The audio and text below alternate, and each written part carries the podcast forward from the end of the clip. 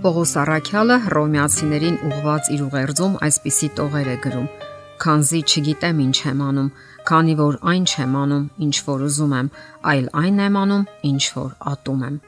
Մենք երկնքում սկսված դիեզերական մեծ պայքարի եւ ականատեսներն ենք եւ մասնակիցները։ Պայքարը բարու եւ չարի միջև դեռևս շարունակվում է։ Դա խավարի ու լույսի, ճշմարտության ու կեղծիքի միջև պայքարն է։ Մեր մոլորակը խռովության ոցերի մեջ է։ Մենք լսում ենք լուրեր պատերազմների ու հանցագործությունների մասին, համաշխարային քաղցի ու հիվանդությունների, բռնությունների ու տարերային աղետների մասին։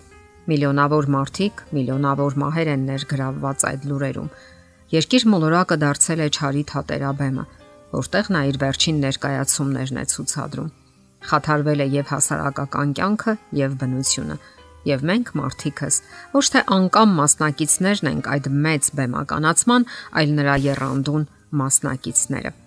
Ցանկանանք դա թե ոչ, մենք մեր լուման ենք ներդնում այդ մեծ խռովության մեջ, ապստամբած երկիր մոլորակի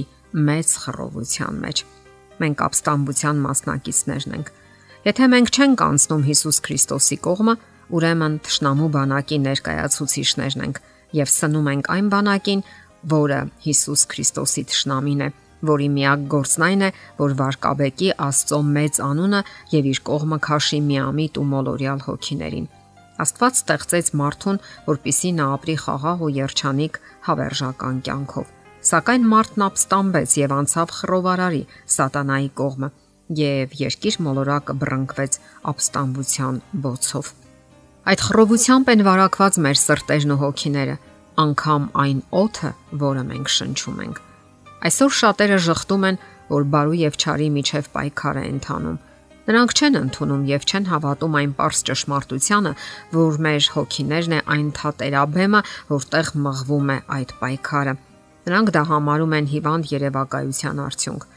Սակայն Աստվածաշնչյան վերոհիշել համարը հստակ ու որոշակի ցույց է տալիս, որ այդ պայքարը ընթանում է մեր սրտերում մեկ անգամ եւս կարդանք այն եւ հասկանանք, որ պայքարը Աստծո եւ Սատանայի միջև ընթանում է հենց մեր սրտում քանզի չգիտեմ ինչ եմ անում, քանի որ այն չեմ անում, ինչ որ ուզում եմ, այլ այն եմ անում, ինչ որ ատում եմ։ Մենք ցանկանում ենք բարին անել, սակայն Սատանան թույլ չի տալիս։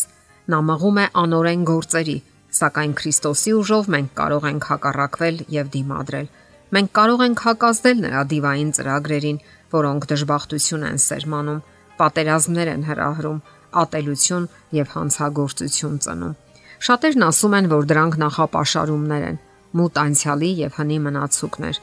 Իսկ ոմանք էլ այսօր հումորով են վերաբերվում մեղք հասկացությանը։ Որոշ բառարաններից այդ բառն ընդհանրապես հանվել է, որպես հնացած ու ժամանակավրեպ։ Սակայն ի՞նչն է պատճառն այդ դեպքում, որ մեր երկրի վրա գոյություն ունեն այսքան սարսափելի դրսևորումներ։ Ով է կանգնած այդ ամենի հետևում։ Ով է այն արարածը, որի մասին կարդում ենք Հոբի գրքում, երբ նա եկել էր Աստծո զավակների հավաքին։ Իսկ այնում մասին էր ասում Քրիստոսը։ Տեսնում էի սատանային, որ կայծակի պես երկնքից վայր էր ընկնում։ Հիսուսը տեսավ, թե ինչպես էր սատանան վայր ընկնում երկնքից։ Պարզ է, որ այստեղ խոսքն իրական, այլ ոչ երևակայական ճշնամու մասին է։ Նույնը գրում է նաև Եսայի մարգարեն, ինչպես վայր ընկար երկնքից ով առավոտյան ցակող արուսյակ կտրվեցիր գետինն անկար ով ազգերնը կունանողդ բայց ինքդ ասել է իր քո սրտում վեր կելնեմ երկինքը աստծո աստղերից բարձր կդնեմ իմ աթոռը կնստեմ աստվածների ժողովի սարի վրա վեր կելնեմ ամպերի բարձրությունների վրա բարձրալին կնմանվեմ հետո այդ պայքարը տեղափոխվեց երկիր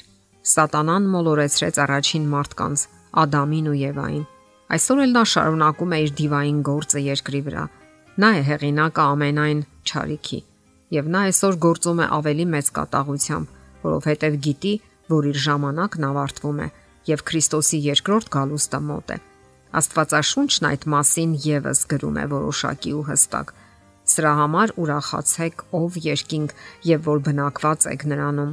Վայ երկրին ու ծովին, որ բանսարկուն վայր իջավ ձեզ մոտ, որ մեծ բարկություն ունի, գիտենալով, որ քիչ ժամանակ է մնացել։ Շատերն այսպիսի հարց են տալիս. իսկ ինչու Աստված չի արգելում խռովարարի գործողությունները։ Ինչու մի ակնթարթում չի ոչնչացնում նրան։ Հարցն այն է, որ այդ դեպքում տիեզերքի բնակիչները չէին կարող հասկանալ խնդրի էությունը։ Նրանք արդեն կծառայեին Աստծուն ոչ թե սիրուց դրտված, այլ վախից։ Իսկ Աստված ստեղծել էր ազատության էակներ, ովքեր ազատ էին իրենց ընտրության մեջ՝ սիրելու կամ ատելու, հավատալու կամ չհավատալու։ Այդ ազատ բանական էակները անձամբ պետք է գիտակցեին, որ մեղքի հետևանքներն ահավոր են ու վերջնական։ Այդ հետևանքներն ենք մենք տեսնում այսօր ապստամբած երկրի վրա։ Իսկ Ադամը գիտակցաբար ընտրություն կատարեց եւ մեղքը երկիր մտավ։ Այսօր յուրաքանչյուր ոք կատարում է իր ընտրությունը։ Մենք բոլորս ենք կատարում այդ ընտրությունը։ Հնազանդվել Աստծուն թե սատանային։ Ծառայել Աստծուն թե սատանային մենք մասնակիցներն ենք մեծ պայքարի Աստծո եւ Սատանայի միջև։ Մենք մեր գործողություններով մեծացնում ենք կամ բարու, կամ չարի տիրույթը։ Տիեզերական այդ պայքարը կշարունակվի այնքան ժամանակ, մինչև ամեն մեկը կկայացնի իր որոշումը։ Մեծ պայքարը կշարունակվի մինչև Քրիստոսի երկրորդ գալուստը։ Դեռ ժամանակ ունենք անցնելու Աստծո զավակների բանակը, ովքեր կոչված են լինելու սիրո զավակներ։ Հուսով եմ հենց այսօր կկայացնեք ձեր որոշումը, թե ում կողմն եք անցնում՝ Աստծո թե Սատանայի։ Ապստամբ մոլորակը խռովության բոցերի մեջ է։ Այդ պայքարում կարևոր է յուրաքանչյուրի որոշումը, ազատ ընտրության որոշումը։ Եթերում ղողանջ հավերժության հաղորդաշարներ։ Ձեզ հետ է Գեղեցիկ Մարտիրոսյանը։